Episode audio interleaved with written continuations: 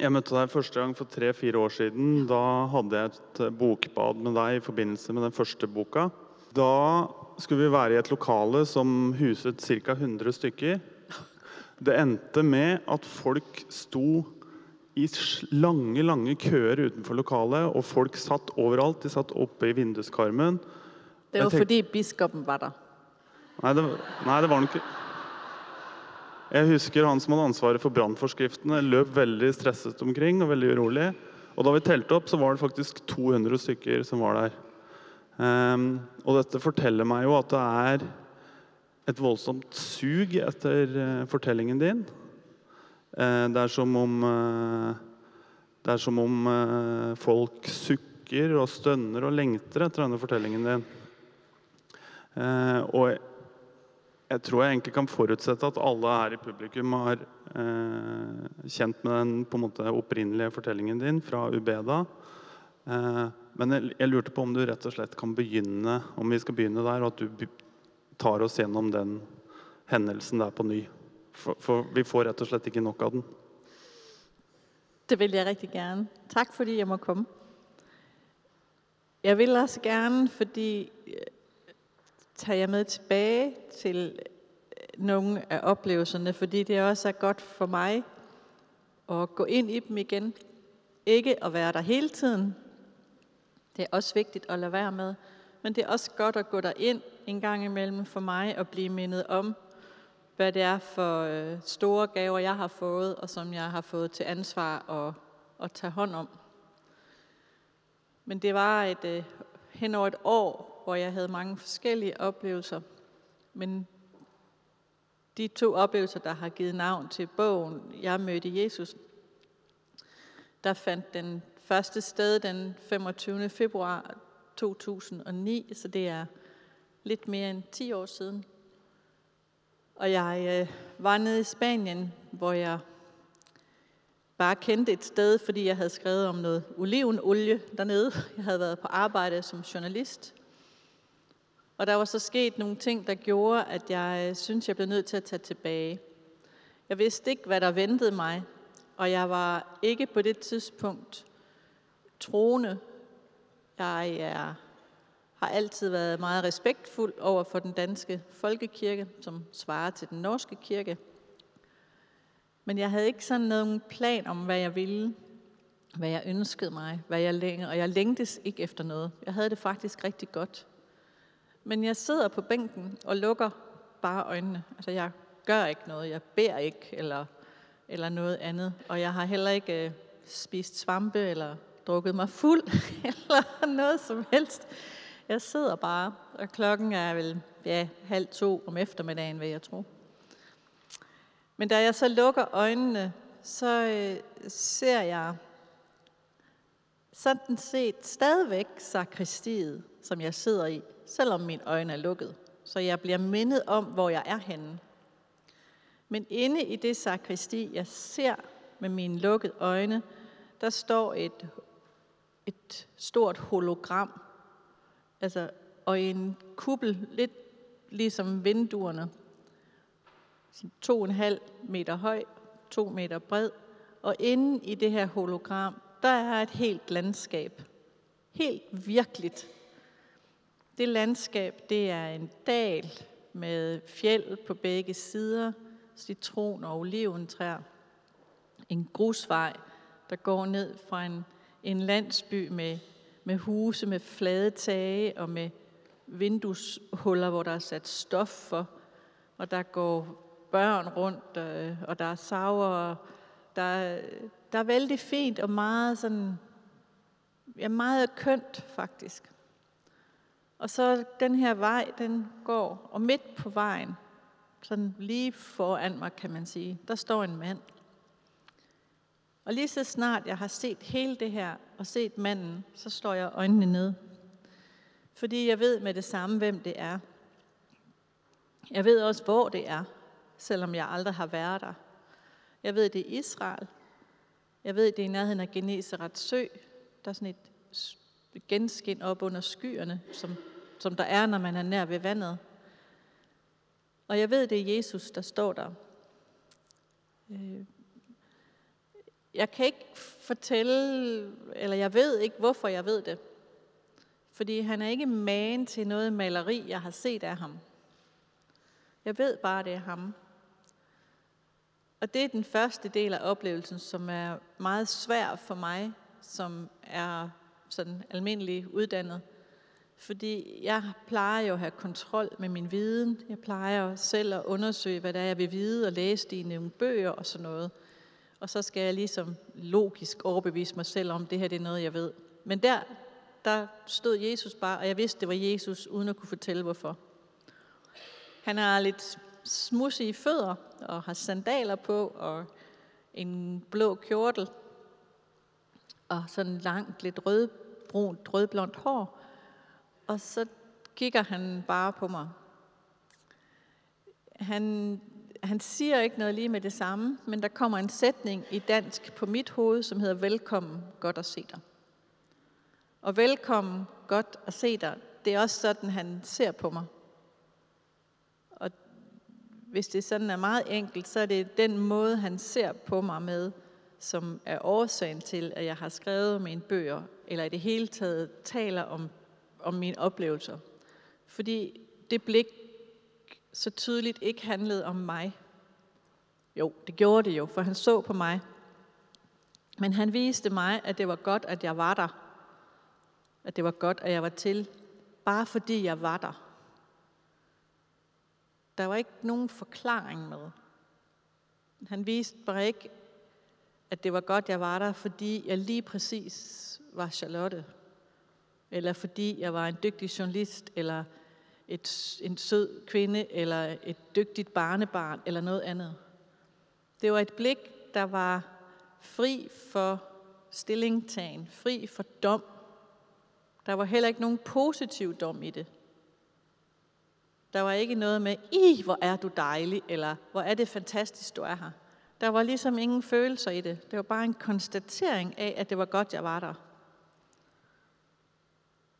Og når jeg sad der, så vidste jeg selvfølgelig godt, det var mig, han så på. Men bagefter, efter de 20 minutter, hvor han så også har talt til mig i et sprog, jeg ikke forstår, og jeg ved heller ikke, hvad han har, så jeg ved ikke, hvad han har sagt. Bagefter så har jeg jo sat gang i at tænke og tænke og tænke og tænke. Og det er jo det, som øh, Howard vil spørge mig noget om, ved jeg. Men, men når man sidder i selve oplevelsen, så ved jeg jo godt et sted, at det handler om mig. Men jeg mærker også, at han ikke tager stilling til mig. Og det havde jeg aldrig prøvet før. Jeg havde aldrig prøvet før, at der var et menneske, som så på mig, og ikke tog stilling til, om han kunne lide mig eller ej. Eller om jeg var dygtig eller ej.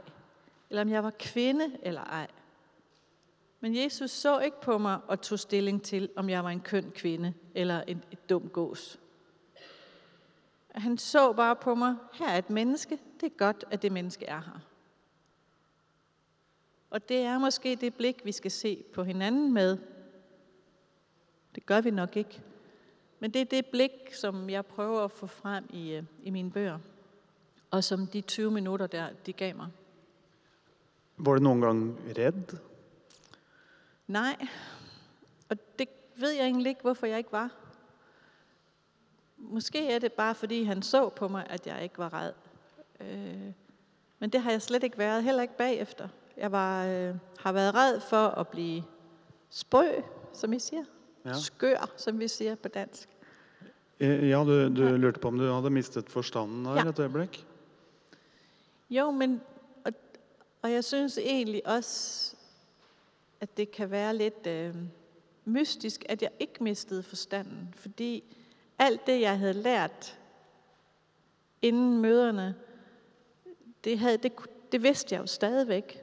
Men der kom så meget mere oveni, at der faktisk ikke var plads til det inde i mit hoved. Altså, jeg har bare et almindeligt hoved, og vi er ikke, vi er ikke trænet til at tage oplevelser som, som mine oplevelser ind. Men, men for mig, som altid har arbejdet med mit hoved og levet med mit hoved og lever i en familie, hvor vi taler om og diskuterer, og hvor vi skal være op på dupperne med vores intellekt, og en mor, der læser Hannah Arendt og Nietzsche og sådan noget. Altså, det skal jo foregå herop. Men oplevelserne var jo sansninger. Men jeg skulle jo have dem herop, fordi det er der, jeg ligesom eksisterer. Men der var, ikke, der var jo ikke plads til så meget nyt. Du har jo sikkert fortalt denne historien tusen ganger nå. Ja. Eh, eh, Blir du noen gang litt lei av å fortelle den? Nej. Men noget øh, morsomt er, at øh, det bruger være, det bruger være præster, der spørger mig om det. Og det synes jeg er så morsomt. At, at når jeg holder foredrag, så, Jeg har en teori om det så, så, så spørger præsterne, om ikke jeg bliver træt af at tale om Jesus og fortælle den Ja, samme de historie. det, ja, men det kan hende de kjenner på det noen ganger. De, vet du. Jamen, det er det, jeg ja. tænker. At... Nej, og jeg øh, har selvfølgelig tænkt meget over, hvorfor, men, men, men jeg bliver jo også bevæget hver gang. Altså, jeg bliver jo også, det kan man jo også høre på mig, jeg bliver jo også sådan, ej, det var da utroligt, det var jo et mirakel. Altså, det var jo helt vildt, at det skete, og, og øh, det, kan, det, det rører mig jo stadigvæk. Er du, er du forsonet med eller innstilt på at du kanskje blir nødt til å fortelle denne historien her uke ut og uke inn resten av ditt liv? Ja, det er jeg. Og det er jo nok, nu handler Olavsdagen her om forvandling. Og, øh, og man kan sige, at der er mange forvandlinger i mit liv. Den ene del af forvandlingen er jo selve mødet. Men den næste del af forvandlingen er jo at være offentlig omkring det. Og, øh, og det med at være offentlig omkring det, det kan jeg jo ikke... Altså, det er jo ikke et valg. Jeg træffer valget om at være offentlig om det. Men måden, jeg er offentlig, måden jeg bliver set på, er jo ikke noget, jeg bestemmer. Det er jo dem, der køber mine bøger og taler med mig, der bestemmer, hvordan der bliver set på mig. Og, og der er det jo kommet sådan i Danmark, at jeg ikke, jeg er hende, der har mødt Jesus. Og så bagefter kommer mit navn. Og det har der taget noget tid at vende sig til det, og, og det er jo en kæmpe gave, men det er også, jeg er jo almindelig journalist, og det kan jeg ikke rigtig være mere. Fordi hver gang jeg skal interviewe nogen, så starter de med at fortælle om Jesus og Gud og deres mor, der har prøvet, eller hvad de selv har erfaret. Og det er jo en stor gave, men det tager lidt lang tid nogle gange at komme i gang med interviewet. Ja, for dette er Øhm. blitt en stor koloss som på en måte står foran deg til enhver tid. I møte Jo, med men, men øh, jeg synes, og, og det er egentlig en stor overraskelse, jeg, jeg synes, det åbner mere, end det lukker. Man skulle tro, at øh, i Danmark, som jo er luthersk ligesom Norge, og som jo er mere, altså vi er et tungere intellektuelt land på, i forhold til tro, end Norge er. Øhm, der skulle man jo tro, at folk ville blive øh, generede eller sådan nedladende, måske også lidt hovne og arrogante over for mig. Men det er de faktisk ikke. Og det er meget, meget overraskende. Et, stort set alle er åbne. Øh, selv avisen, som hedder Politikken, som jo er den mest sekulære avis, og som blev startet for at gøre oprør mod kristendommen. Altså selv de har lavet store, kæmpestort interview med mig nu her i påsken, øh, som handler om, at jeg har mødt Jesus og en del skepsis. Jamen, det er jo rigtigt nok, men det er bare meget lidt. Så, så et eller andet sted, så tror jeg, at hvis man, øh, at måske fordi mit sprog bare er almindeligt, og jeg er bare en almindelig journalist, så bliver folk ikke bange for mig. Altså de, de øh, tænker, nå, men hun er bare en almindelig en som mig, og hun taler bare et almindeligt sprog, så behøver jeg ikke at skulle vise mig, så behøver jeg jo ikke at blive vred på hende, for hvorfor skulle jeg blive vred på hende? Så kan jeg måske også selv fortælle. Fordi som vi også har hørt flere gange i dag, så ved vi jo nu, at sådan, i hvert fald halvdelen af os har en eller anden form for guddommelig oplevelse i vores liv. Men det betyder jo også, at vi alle sammen kender nogen. Altså, øh, vi taler bare ikke om det. Jeg, jeg vidste jo ikke, at min far havde haft oplevelser, min farfar havde haft oplevelser, eller min tante eller noget, før jeg skrev bogen. Du har også møtt eh, motsatsen. eh, Eh, Jeg husker at du var på TV, og den danske forfatteren Knut Romer Ja. Han avfeide det som 100% nonsens, Ja. husker jeg. ja. Jeg Så du har møtt de òg, mener jeg? Jamen, han er den eneste, der har gjort det offentligt. Øhm, og jeg har lige mødt ham her til uh, litteratur. Jeg arrangerer en litteraturfestival i Danmark også, i Aalborg. Og, og der mødte jeg ham igen, og så gik jeg hen til ham og sagde, at, øh, at jeg synes, han skulle vide, hvor, hvor hårdt det havde været, øh, at han sagde så noget grimt noget til mig, men også hvor stor en gave det havde været, fordi at jeg kunne sætte alle de andre erfaringer, jeg havde med andre mennesker i relief, og at han stod helt alene derude. Alle, jeg tror, alle troede, at de fleste ville reagere som Knud Romer, og være aggressiv, ubehagelig, øh, råbe af mig, sige grimme ting. Øh, der var jo ingen, der syntes, det var en god idé, at jeg skulle udgive bogen af min familie øh, eller mine venner. Min mand synes, det var en god idé, men, øh, fordi han stolede på, at folk ville være ordentlige. Men de fleste andre sagde, at folk ville være så vrede ligesom ham. Men det har de bare ikke været. Og det har været meget overraskende, øh, at, øh, at de ligesom har øh, lyttet og samtalet om det her. Og det er også det, jeg har oplevet i udlandet. Selvfølgelig er der, hvis mine bøger bliver anmeldt, øh, øh, så er der i, på Facebook, så er der en masse trolls, der siger en masse grimme ting. Men det siger jo grimt om alting. Men der er ingen af dem, der skriver til mig. Altså om de, måske er jeg meget farlig, måske er jeg meget frygtindgydende, siden de ikke tør sige noget. Men jeg tror, det er modsat. Jeg tror, at de, de genkender den her menneskelighed, som jeg bare er. Og måske er det primært, fordi jeg så ikke er...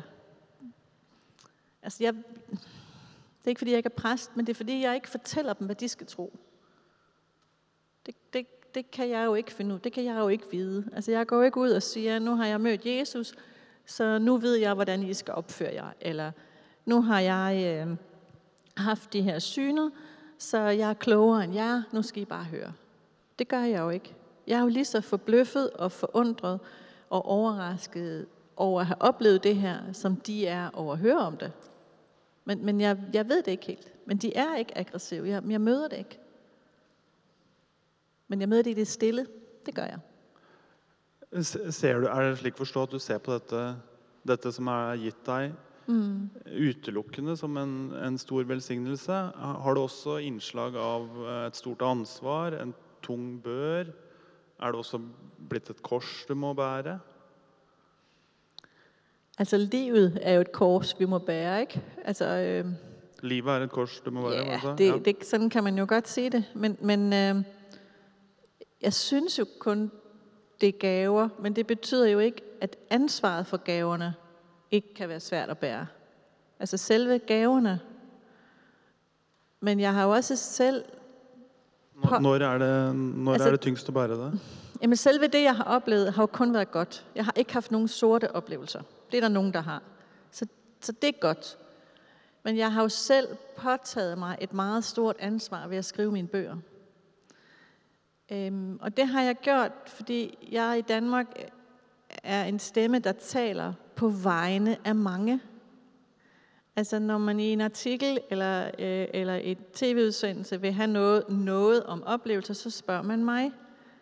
Det vil sige, det jeg siger har betydning for, hvordan mange mennesker ser på andre med oplevelser. Har også betydning for, hvordan folk ser på kristendom, på Jesus, på Gud, på det at være troende i dag. Og det ansvar, det har jeg selv påtaget mig, det ved jeg godt, men jeg er da nogle gange i tvivl, om jeg kan leve op til det. Jeg prøver. Men jeg får også hjælp til det. Stor hjælp. Øh, og også fra mange præster, som kan hjælpe mig med, øh, med den teologiske ramme, som jeg jo ikke kan udenad. Men indimellem kan jeg da godt synes, men kan jeg det her? Jeg er bare et almindeligt menneske. Og, øh, og så må jeg jo vende tige stille, og så, så gå ind i mødet igen, øh, ligesom nu, og så sige, det har du jo fået at vide, du godt kan. Du har jo fået at vide, at Jesus synes, du er okay. Altså, så må du stole på ham. Altså, så må jeg have den samtale med mig selv. Øh, og der er jeg jo heldig, at jeg har møderne at gå ind i og, og tage den samtale. Men ellers så, øh, hvad skal man sige? Altså, jeg synes, det er gaver. Men jeg synes også, det kan være trættende at være kendt. Altså, men det er lidt noget andet end selve oplevelserne. Og det kan også lyde forkert, når man siger det, fordi alle dem, der kommer hen til mig, de kommer jo hen med det gode. De kommer jo hen for noget godt. Men nogle gange, så er jeg jo også bare træt og ked af det, og, og så kan jeg heller ikke give det til dem, som jeg egentlig gerne ville, fordi jeg bliver slidt. Ja. Så, og så, men så trækker jeg mig jo. Altså, så lader jeg være at gå i kirke. Så sidder jeg hjemme og hører kirke i radioen. Altså, eller, eller også så tager jeg bilen i stedet for at tage toget, øh, fordi så kan jeg sidde alene. Øh, eller også så går jeg tidligt. Altså, men det er jo, ingen, altså, det er jo små bitte ting. Du tar, du tar meg da til noe annet jeg la merke til da vi møttes for eh, tre-fire år siden. Eh, og det var etter at selve bokbadet var ferdig. Eh, så så jeg umiddelbart at det dannet seg en lang kø med folk som ville snakke med deg. Ja. Og som eh, åpenbart ville legge frem noe som lå dem på hjertet. Ofte ja. historier de åpenbart ikke hadde turt å dele tidligere. Ehm, og dette er jo gjenstand for din eh, bok nummer to, hvor du samler, har samlet inn mange av disse historiene. Eh, og du har åpenbart utstyrt disse med en frimodighet som de da tidligere, tidligere ikke hadde. Er det mm, Ja, eller er det slik du forstår det òg? At det er frimodigheten som er et, et stikkord her, som du eh, kom, kom på banen med? Jo, frimodigheden, og så, øh, og så sproget. Altså Sprog, det, ja. det journalistiske sprog, som jo er nemt at forstå. Mm. Øhm, men jeg, der ligger også øh, en sorg i det, kan man sige, fordi jeg oplever jo, at øh, selvom jeg jo i alle bøgerne skriver, at, at det er godt at tale med sin nærmeste og tale med en præst eller en anden, som ligesom har en faglig baggrund, og det er bedre end at tale med mig, så kan jeg godt nogle gange blive grebet af sorg over så mange, som åbenbart ikke har nogen at tale med. Så de synes, de skal tale med mig. Fordi jeg er jo bare, jeg er jo bare et almindeligt men. Jeg er jo bare en af de 50 procent, der har haft oplevelser og har skrevet om dem. Men jeg får stadigvæk mellem 2 og 10 breve eller beskeder eller Facebook hver dag. Og mange af dem er fra mennesker, der gerne vil, vil, vil tale med mig. Og, øh, og det er jo et stort kompliment, men jeg kan også nogle gange blive grebet af, at det er fordi, de ikke har nogen at tale med selv. Mm. Og derfor bliver jeg jo ved med at sige, at det vigtige, det er jo at tale med dem, man er sammen med, fordi det er dem, man skal leve sammen med oplevelserne med. Sammen med sin tro. Den skal man jo leve sammen med dem, man er tæt på. Og nogle gange kan det jo godt være, at, øh, at det er den, der sidder med tvivlen og med troen og med oplevelserne, eller, eller hvad det er, som skal være den, der tager det første skridt. Og det er noget af det, jeg diskuterer med mig selv i den tredje bog, altså at jeg prøver at lave sådan en liste over, hvordan, hvordan, hvad har jeg lært af de her 10 år, hvor jeg har, har ikke bare levet med mine egne erfaringer, men været meget tæt på mange andre menneskers erfaringer. Og det er det første skridt, det er jo ligesom at sige ja, altså sige ja til det, der sker. Altså det er ligesom Maria, man må jo sige ja. Men når man så har gjort det, hvad så? Altså, og, og der var jeg meget i tvivl, om mit nummer to skridt skulle være, at man skulle lytte til andre, altså tale med nogen, øh, eller man skulle sige noget. Og der er en forskel. Men du kan jo ikke lytte til nogen, før du har fortalt, hvad der er sket. Så på en eller anden måde, selvom det er hårdt at sige det, så ligger der også et ansvar hos os, der synes, at tro er vigtigt. Hos os, der synes, det er vigtigt, at, at, øh, at Gud eksisterer. Så ligger der et ansvar hos os om at åbne den samtale. I stedet for ligesom at sidde og vente på, at der er nogen andre, der gør det for os, så må vi selv gøre det. Og nogle gange er det aller, aller, aller sværeste sted at gøre det, det er hjemme hos os selv, altså hos, i vores familie. Og det ved jeg jo også fra mig. Jeg skulle da virkelig tage mod til mig, da jeg skulle tale med min, med min far om det, eller med min mor om det. Ikke med min mand og mine børn, for dem er jeg så tæt på, men, men det kræver da noget. Men, men jeg mener faktisk, at vi har et ansvar for at gøre det det, det for at sætte det i gang. Og øh, jeg kan godt forstå dem, der synes, det er, det er bedre at skrive til mig, fordi jeg ved, hvad det handler om, kan man sige. Men det har jo bare ikke nogen værdi bagefter. Altså, jeg har jo fortalt det, som jeg kan fortælle til alle, det har jeg jo fortalt i bøgerne. Og jeg kan ikke gå ind i de enkelte menneskers liv, men det skal jeg heller ikke. Det skal dem, der er tæt på. Men mange af dem, der skriver, skriver jo også fordi, at, øh, at de er bange for, hvad det nærmeste vil sige. Men så kan man jo sige til sig selv, at når halvdelen af os har nogle oplevelser, så er der nok også nogen i ens egen familie, der har det. Uh, ja, det, det du sier nå, det har jo muligens en liten brodd mot folkekirken. Da, ettersom mm. du med, Er det slik å forstå at du tenker at folkekirken skulle vært der og tatt imot disse fortellingene og vitnesbyrdene? Jo, som du selv sagde, at min tredje bog er ikke på norsk, den er på dansk. Og den hedder Gud, du er jo lige her. Og den handler om, hvad jeg gør til daglig. Og der er også et kapitel, der handler om folkekirken. Og, øh, og der er lidt brød i den, der er lidt kant i det kapitel, fordi jeg er medlem af den danske folkekirke og er meget, meget, meget glad for den. Og den minder om meget om den norske kirke. Der er ikke den store forskel. Men,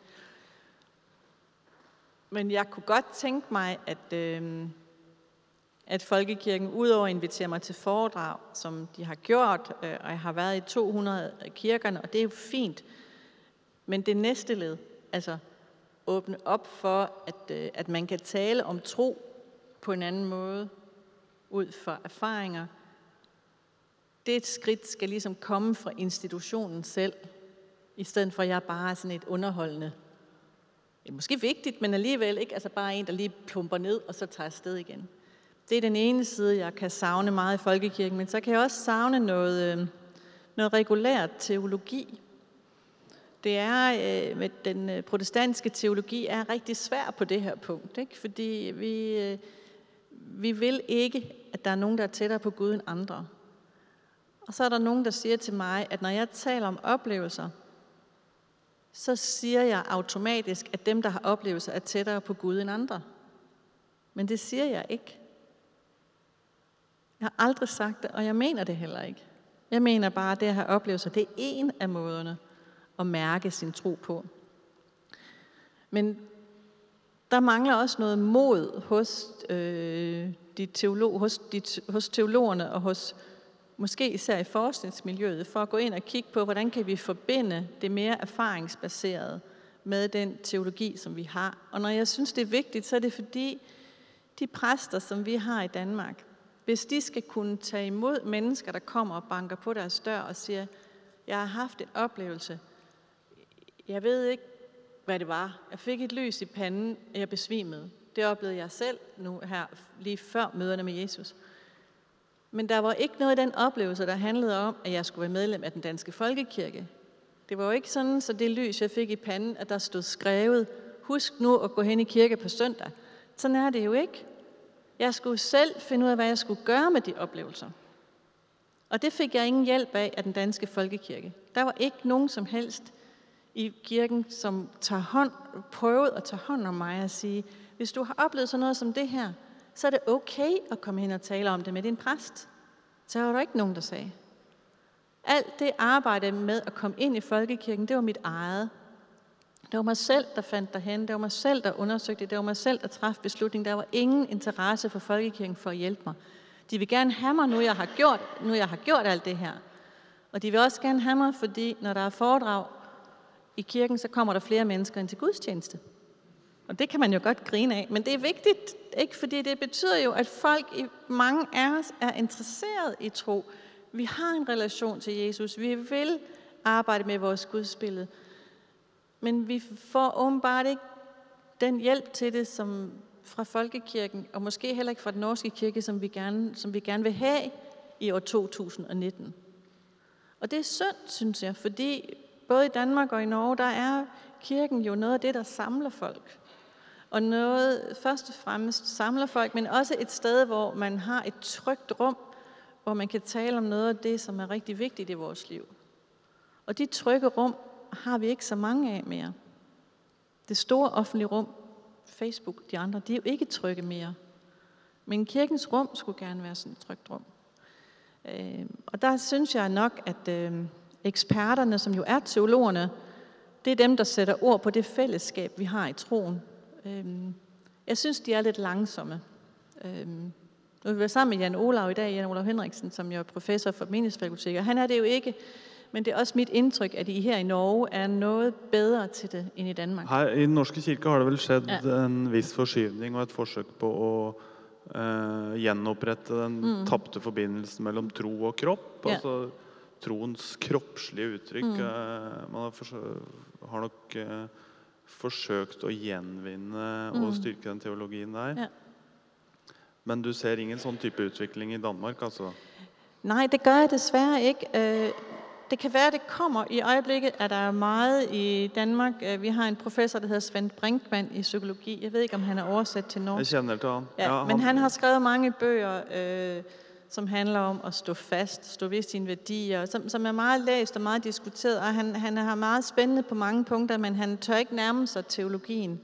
Og det er jo rigtig morsomt nogle gange, når man så møder ham og er i diskussioner med ham. Men han er god til blandt andet at tale om sorg, øh, og måske er det den vej rundt, at man kan komme få danskerne til at tale mere om tro, det er ved at samles om de tidspunkter i vores liv, hvor mange oplever af sig selv at trække sig hen til kirken. Altså, når man står i meget voldsomme livsomvæltende begivenheder, som store kriser, store sorg, som I også har gjort her med Ytterøjer, hvor, hvor kirken går ind og tager en rolle, Øh, Øh, det gør folk jo i deres personlige liv. Øhm, Og, hvis, og der er meget tale i de her år i Danmark om sorg, om at leve med døden. Øhm, Og som jeg også selv har deltaget lidt i, jeg mistede jo vores yngste dreng næsten samtidig med, at bogen kom.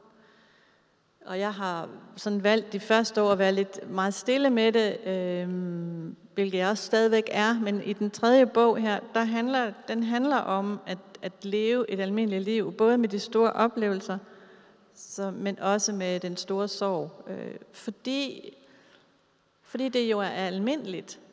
Vi mister alle sammen nogen, vi elsker. Men det taler vi heller ikke ret meget om, og vi har ikke så mange ord på det, men der tror jeg faktisk, at kirken kan hjælpe rigtig meget. Og det er måske den vej også folkekirken og præsterne, folkekirkens præster i Danmark kan hjælpe, fordi der har kirken et sprog, og der har kirken nogle ritualer, altså lys i kirken blandt andet, som kan hjælpe mange. Ja, nå, ne- nå nevnte du sønnen din, Fredrik, eh, som eh, tok livet av seg. Ja. Ehm, eh, Denne overskridende hendelsen eh, du hadde i Spania, den, den for- forandret jo hele ditt forhold til livet. Har den også, ja. hva har den gjort med ditt forhold til døden? Jamen, jeg havde et, et smukt og et almindeligt, kan man sige, forhold til døden, inden Frederik døde. Øh, jeg, har været meget tæt på mine bedsteforældre, og har også siddet ved deres dødsleje, og, og havde ikke, der, og så var der, så jeg havde ikke noget problematisk forhold til døden overhovedet. Der er ikke noget som helst i mine oplevelser, der handler om døden. De handler jo kun om livet. Man kan sige, at i det øjeblik, jeg begynder at reflektere over mine oplevelser, og gå ind øh, og reflektere over, hvem Jesus er, hans skæbne, læser videre ind i Bibelen, så kommer der jo død med helt automatisk.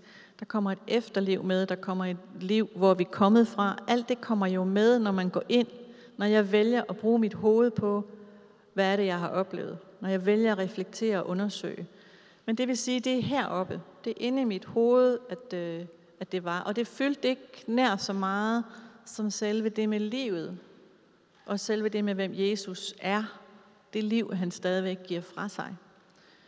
Men Frederik øh, dør øh, lige før bogen kommer, lige før den skal trykkes. Og vi vælger at lade den blive trykt alligevel.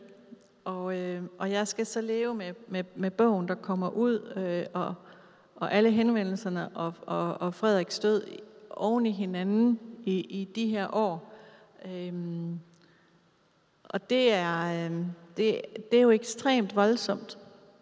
Men det, jeg har, det har lært også af oplevelserne, er jo at, at slippe kontrollen. Altså, jeg har ikke noget kontrolbehov tilbage.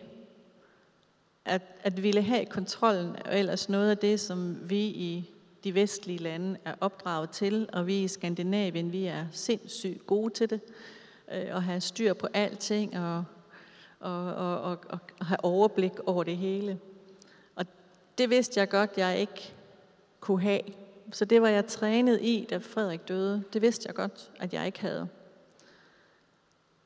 Men jeg vidste jo ikke, at man skulle, jeg skulle bruge det på den måde.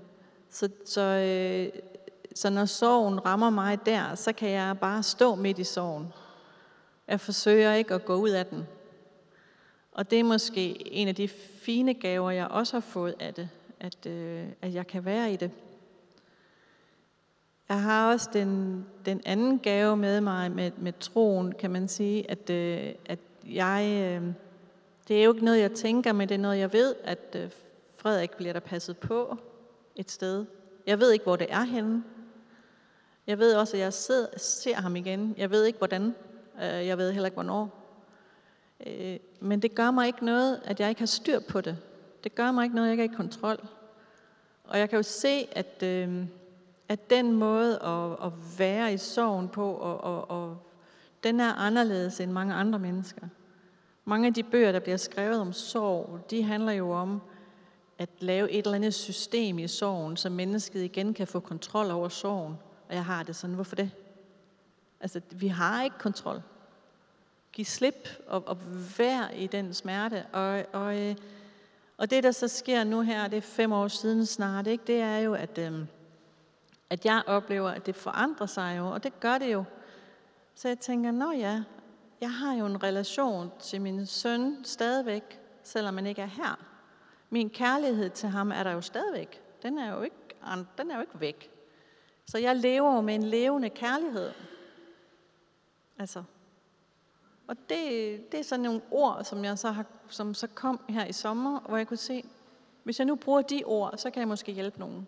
Jeg lever med en død søn, ja, men jeg lever i højere grad med en levende kærlighed til ham. Og det ved jeg så. Der, der kan ordene igen gå ind og hjælpe lidt, hvis det er. Du, I den siste boka di så går du Ja. i rette med forestillingen om tro som en sånn verktøykasse som, Ja. Som gjør livet lettere og gladere Ja. og mindre ubekymret. Ja. Eller, ja. Ehm, Selvhjælpstro. mm. Ja. hva, hva gjør det med troen å miste et barn? Ingenting. Altså, øh, jeg har en meget nær veninde, der mistede sin yngste dreng. Øh, Han havde så en hjertefejl, så han sov ind i løbet af natten. Han var, han var 29. Øh, hun var præstedatter og meget troende, og vi har talt meget sammen i, i mange år. Og hun blev så vred på Gud. Altså, Hva sa du nå? hun blev sint på Gud. At Gud havde taget hendes søn. Det har jeg aldrig tænkt. Altså aldrig nogensinde. Øhm, også fordi, altså Frederik var jo først og fremmest sig selv. Han var jo ikke først og fremmest min søn. Altså han var jo først og fremmest sig selv i sit liv. Og nogle gange så, øh, altså det første bud hedder, at du skal ikke have andre guder end mig. Man skal jo heller ikke selv være det, vel? Altså, så, så man er jo, han er hovedperson i sit liv, jeg er hovedperson i mit liv. Jeg er ikke hovedperson i hans liv. Han er ikke død på grund af mig. Eller det, det er lidt hårdt at sige det, men, men øh, af respekt for, for min dreng, så bliver jeg jo nødt til at gå over i hans sted. Det betyder jo ikke, at min smerte er mindre, men det betyder, at jeg først og fremmest skal have en kærlighed til ham og en respekt for ham. Det skal ikke være en diskussion for eller mod selvmord. Det er sådan set uanset, hvad man dør af. Så dør mennesker i deres eget liv, og det skal man lige huske, når man begynder at, at blive skældt ud på Gud over, at han har taget ham fra mig. Men, men Gud har ikke taget min søn fra mig. Men det gør ondt. Ind i helvede gør det ondt. Så, så helvede er jo en tilstand, man er i her i livet, øh, ligesom himmel også kan være det. Øh, jeg har så begge sider hele tiden. Og øh, det er hvad skal man sige, det er rigtig hårdt at leve med. Men, men jeg tror ikke, jeg kunne, øh, jeg, jeg kan se, at den måde, jeg lever med det på, er anderledes end dem, der ikke har tro. Men jeg kan jo ikke se, om det gør mindre ondt på dem, eller mere ondt på dem. Altså, jeg kan jo ikke, man kan jo ikke måle smerte på den måde. Jeg savner jo min søn lige så meget, som de gør, og har lige så ondt, tror jeg da. Men det ved jeg jo ikke. Altså, man kan ikke, man kan ikke måle det her. Har du noen forestillinger om en gjenforening? eh, Ja, eller men det jeg ved ikke, hvordan. liv? Hva, hva er disse begrepene betyr for deg? Jamen, jeg ved, jeg møder ham igen. Jeg ved bare ikke, hvordan og hvornår. Det ved jeg ikke. Men, Men, det er men det er et ikke... håp like fullt? Hvad? Men, men det er likevel et håp du, Ja, du bærer med det er det.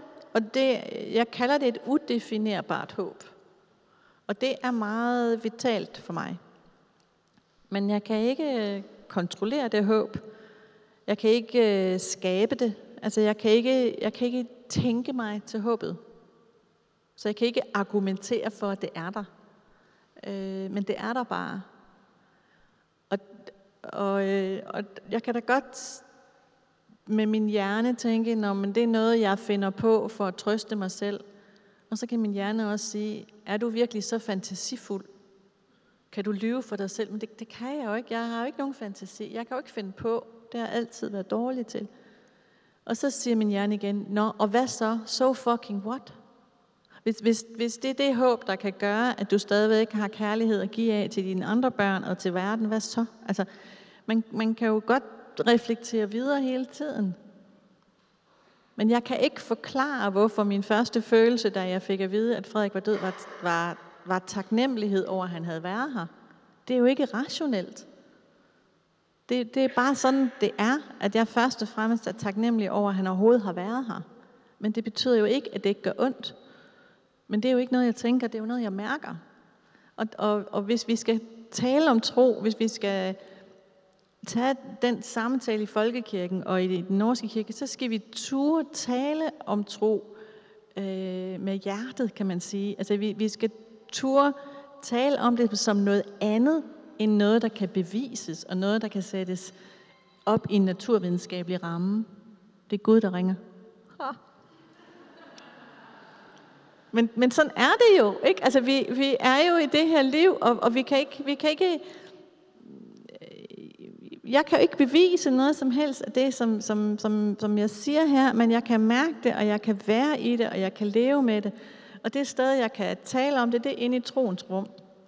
Og derinde, der skal jeg have lov at være fri for, at det skal kunne argumenteres til at hænge sammen. Det er jo det, troens rum er, i modsætning til det akademiske rum, kan man sige, eller naturvidenskabelige rum. Og jeg, og jeg synes jo nogle gange, det er så morsomt, at, at øh, alle de her mange teologiske diskussioner, som vi jo også har i Danmark, øh, hvor det skal hænge sammen det hele, og, og alt sådan noget, jeg tænker, nej, det, det, det, det kan vi mennesker nok ikke finde ud af. Det, det kan vi ikke. Det synes jeg er fint.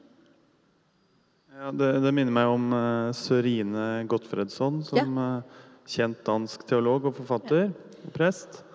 Um, hun var veldig begeistret for din siste bok, men hadde én betenkelighet. Hun syntes, du, hun syntes du kunne, hun, at du representerte en litt for luftig Ja. kristendom. Hvordan, hvordan og kan du stiller du deg til sånne og kan du huske hvorfor at den var for luftig? Hvorfor den var for luftig? Ja. Nei, nå husker jeg ikke i farten Nei, hvordan hun det- begrunnet det, men det er klart at hun Jeg tror hun, hun er veldig Hun er nok litt mer opptatt av Luther enn det du er, kort oppsummert. Hendes primære argument var, at jeg ikke satte min tro op over for islam. Ja, det også. Hun syns ikke du har nok brodd mot dem. Nej, og øhm, jeg kender Sørine rigtig godt, og jeg har den dybeste respekt for hende, fordi hun netop er så stærk i det lutherske. Jeg er jo ikke teolog, men hun er så stærk i det her, øh, og derfor, da hun skrev om de første to bøger, så skrev hun også åbent, hvor svært det var for hende som luthersk præst, som protestantisk præst, at skulle rumme det her med en journalist, der kommer out of nowhere og skriver om kernen af den kristne tro. Går helt ind og skriver evangelisk om Jesus og Jesus blik på os alle sammen. Og, og hun, hun er meget ærlig og skriver, at, at det er virkelig, virkelig svært det her. Alle hendes fordomme øh, måtte hun tage til, op til revision. Og det samme gjorde hun med bog nummer to, og hun kalder det en folkebevægelse, at, øh, at jeg har sat i gang. Hun er, på den måde er det, det er meget store skridt, hun har taget, fordi hun er så intellektuel. Øh, og så er hun grundlæggende bange for, at mennesket inderst inde er ondt. Altså, hendes syndefald er så absolut. Og det er mit jo ikke. Jeg har jo det modsatte. Jeg tror jo, mennesket inderst inde er godt. Ellers havde Gud ikke skabt os. Men da jeg så kommer med den sidste bog, som, øh, kun, er mig, der, som kun er mig, der taler, og som er en øh, meget lille bog øh, om, hvordan jeg lever med min tro øh, i Danmark i dag, så er hun rigtig glad for den og skriver rigtig pænt om den, men skriver også, at hun kan ikke godtage den, fordi jeg ikke tager stilling til islam. Og det er jo det, der sker, når man taler om tro. Man kan lige nå at sige, jeg er kristen. Hvad mener du så muslimerne? Eller, jeg er kristen. Er du så imod islam? Det er som om, at øh, der i Danmark er kommet en sådan, at bare man nævner ordet tro eller religion, så er man straks over i en fundamentalistisk diskussion om en fundamentalistisk kristendom og om en fundamentalistisk islam. Og mine bøger er jo modsatte. Jeg tager sådan set ikke stilling til, om det er bedre at tro på Jesus, end at tro på noget andet. Det er ikke min business. Jeg respekterer det første bud. Jeg er ikke Gud over for andre. Det er jeg ikke. Jeg skal ikke blande mig i, hvad andre folk tror. Og når vi har fået at vide, at Jesus vi skal gå ud og gøre alle folk til, min, til, vor, til hans disciple, så må vi jo spejle det og sige, hvad var det egentlig, Jesus gik og gjorde? Han gik ikke og slog folk ihjel, fordi de troede noget andet end ham. Det har han aldrig gjort. Så man kan også sådan smide hoved, de der ord tilbage i hovedet på hende. Men det gør jeg ikke.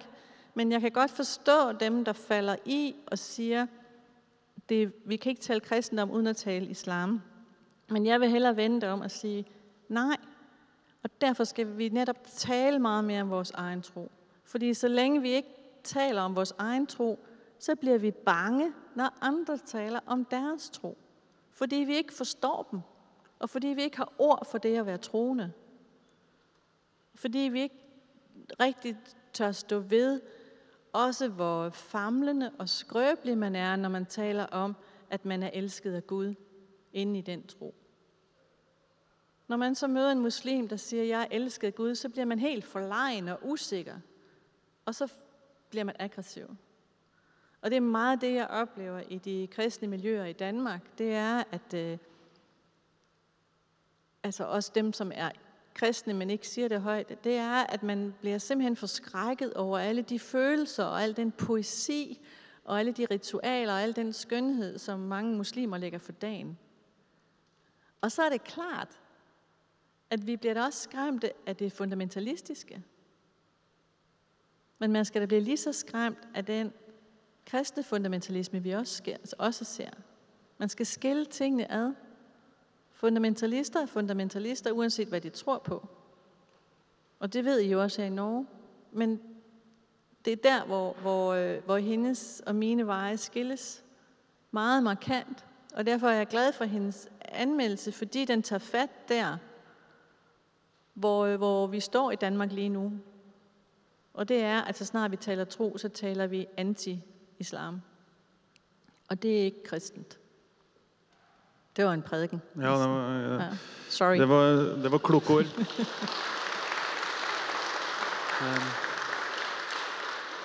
For balansens skyld, så ingen misforstår, den eh, omtalen til Gottfredsen av din siste bok er jo i all overveiende grad positiv. Ja.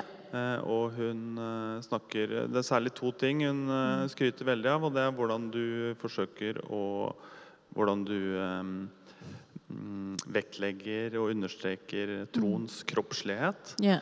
Og så er det også ditt, din vektlegging av kirkens ritualer og kirkens felles åndedrett. Fællesskabet, ja. Fellesskapet. Um, og du skriver også bl.a. om eh, bønnen som eh, en for ditt, for ditt vedkommende en, en, fysisk handling, først og fremst. At det er kroppen som trekker deg inn i bønnen. Kan du si litt mer om det? Ja, fordi bønden er jo blevet utrolig vigtig for mig, og er også lidt underkendt, synes jeg, i det protestantiske. Øhm, der er jo mange forskellige slags bøn. Altså, jeg, jeg går i kirke og er utrolig tryg i, den, i det fællesskab, der er, når vi sidder i kirke. Og, og har meget brug for at være sammen med andre i det samme rum. Selvom vi sidder med hver vores, så er vi sammen. Og, og de ritualer, vi har, de, øh, de grundfester mig hver søndag. Så, og der skal helst ikke laves for meget om. Der må godt være alt muligt andet, men jeg har også meget brug for det. Men det er jo noget, jeg har brug for, fordi min vej ind i troen også har været så hurtig øh, og, og flyvende. Men jeg har jo også en bøn hjemme, øh, som er det her 20 minutters centrerende bøn om morgenen, øh, hvor det jo måske simpelt sagt handler om at have en intention om at være i Guds nærvær. Det er endnu mere enkelt, synes jeg, end noget andet. Så har jeg Herre Jesus Kristus hjertebønden, som ligesom er med mit åndedræt. Og det, det har den bare været nu i snart, ja, lidt over 10 år faktisk. Og så har jeg også været, øh, holder jeg retræter nogle gange, og dem, og dem, dem har jeg i nogle år holdt sammen med en katolsk præst og hende, hans øh, søster, som har været nonne. Og der har vi kørt tidebønderne, som jo øvrigt også er protestantiske. Øh, men de bliver ikke brugt så meget i den protestantiske kirke. Men, men der har vi en af gangene talt meget om det her med, øh, der står man jo op, de katolske tidebønder, som man har i klostrene, og så står man i hver sin side og messer de her bønder. Og så hver gang man siger for faderen, søn og helligånd, så bøjer man sig lige lidt frem. Det er en lille, bit, det er en lille bitte ting, det er jo ikke ret meget, men den der lille bevægelse, den gjorde simpelthen så meget ved de retrætedeltagere, at altså, virkelig, altså nogen synes næsten, det var et overgreb, at de skulle bøje sig, og andre de blev dybt rørt. Så, så der var noget med de der små bevægelser i bønden, øh, og også når man er i katolske kirker, de går ned på knæ øh, og så videre. Der, der, og, og det har virkelig sat sig hos mig at sige, kroppen er jo med i bønden. Rigtig meget med. Og det kan godt være, at vi synes, at de overdriver ud i Østen med deres yoga og deres ditten og datten og dutten. Men vi har det i kristendommen også. Og jeg oplever i hvert fald på mig selv, at det virker utrolig stærkt. Vi har jo også et kropsligt ritual i, øh, i nadveren, som er Altså det er jo et lille mirakel hver gang, man går op til den nadver. Og det er jo så fysisk. Altså nogle gange kan man jo næsten ikke drikke vinen. Andre gange, så er det ligesom om, man bliver glad af det. Og nogle gange, så bliver man helt forlegen over at stå med den her lille oblat. Det er meget... Hvis vi tør se på det, og tør tage kroppen rigtig med, så, så kan der ligge meget intimitet i det her som vi ikke kan skjule os fra eller løbe fra, som vi kan med ordene. Og det er det, jeg prøver at skrive lidt om i den nye bog, men ikke så meget, fordi jeg er jo også luthersk, ikke? Jeg er jo også vokset op i det her protestantiske land i Danmark. Så når jeg skriver, så bliver jeg også lidt mere kedelig, lidt mere øh, afdæmpet, end når jeg taler, ikke? Fordi det skal helst ikke blive for følelsesladet. Altså, så bliver vi jo helt forlegne. Gør du ikke det? Jo. Helt enig. Um, vi, vi nærmer oss slutten. Ja. Du, um, du har jo hatt to møter med Jesus. Ja.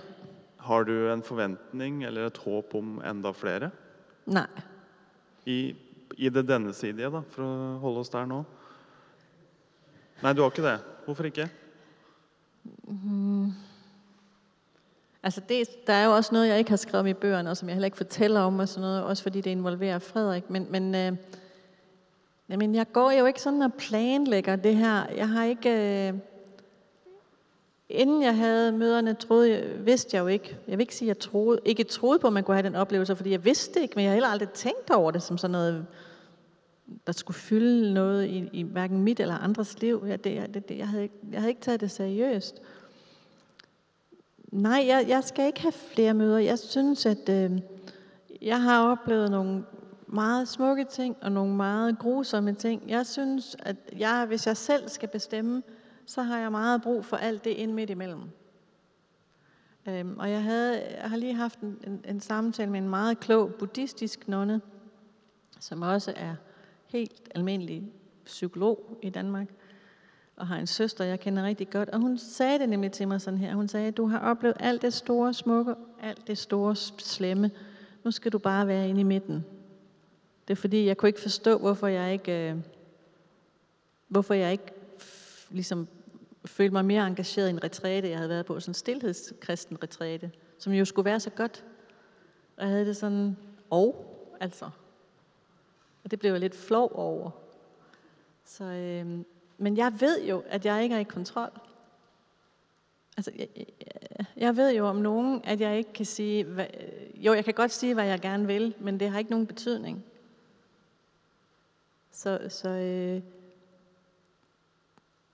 nej, jeg, jeg tror heller ikke, jeg får flere. Altså, jeg synes også, jeg har masser, masser, masser at tænke på med det, jeg har oplevet. Nej, du omtaler jo dette første møtet som en slags eh, forelskelse. Du, Ja. som, eh, som den første sommeren mellom to nyforelskede. Eh, Hvis vi holder oss til den me- metaforen der, hvor, hvor i ekteskapet er dere nå? Altså, jeg er jo forbi syvårskrisen, det må man Ja. jo sige. Jamen, jeg synes, der er jo en grund til, at man bruger ægteskabsmetaforen, også Jesu brud og hele højsangen, og, og, og også Johannes og Korset, som jeg jo støtter mig meget til, skriver om det. Øhm, det, det er jo en meget tæt forbindelse, og, og, og jeg synes stadigvæk, det kan være sådan, så altså folk de kan sige til mig, at jeg, jeg er jo aldrig alene, fordi jeg har jo altid Frederik og Jesus med, og det er jo også rigtigt. Altså, så jeg er jo aldrig alene. Altså. Men jeg synes, det er et meget roligt, øh, stabilt ægteskab, hvor, hvor jeg, øh, jeg har bare fuldstændig tillid. Altså, jeg har ikke, øh, men det har jeg haft fra begyndelsen af. Også samtidig med forelskelsen. Jeg har aldrig været bange for, at han ville forlade mig. Det jeg har aldrig nogensinde tænkt på, at han ville. Øh, men det ved jeg jo godt, at mange har. Min, min gode veninde, Grete Livbjerg, øh, katolik, som jeg også tror, du måske kender, hun har oversat Johannes og Korset. Hun døde som 91-årig her i marts. Hun havde øh, de sidste måneder af sit liv meget stor øh, Guds forladthed øh, og Guds tvivl. Og, og vi talte rigtig meget om det.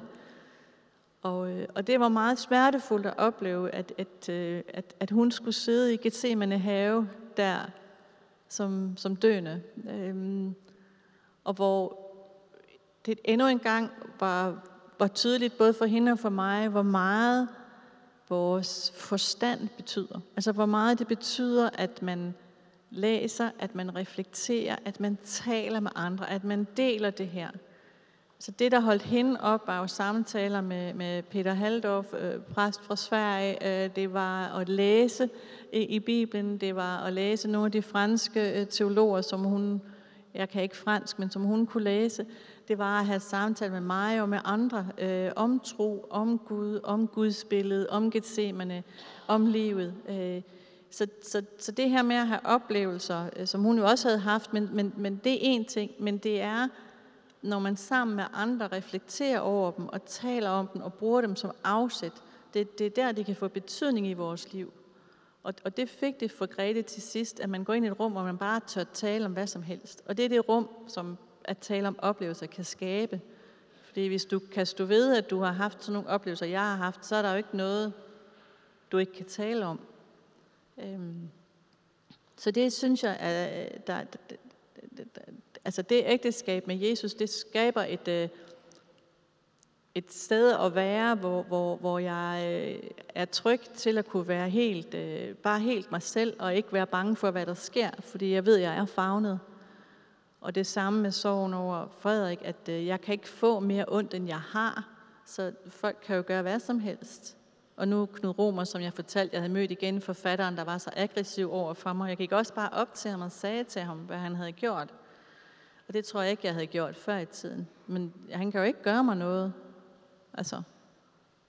Og det synes jeg også er vigtigt at give videre. Altså, der er jo ikke nogen, der kan, der kan gøre jer noget. Hvis de synes, at Gud er en idiot, jamen så lad dem da synes det. Gud er ligeglad. Han er der bare. Siste spørsmål. Yes. Eh, Jesus Ja. forteller deg at 'jeg stoler på deg', sier han. Eh, hva, hvordan forsto du disse fire ordene her, og har det forandret seg, betydningen av dem? På to måder. Det ene er den rene kærlighedserklæring. At han ligesom, han, at stole på en er jo at give sin fulde tillid, sin fulde kærlighed. Men det er også, øh, det er også et ordentligt spark. Altså, det er også at sige, øh, at Jesus ligesom siger, jeg er her, hvor jeg er.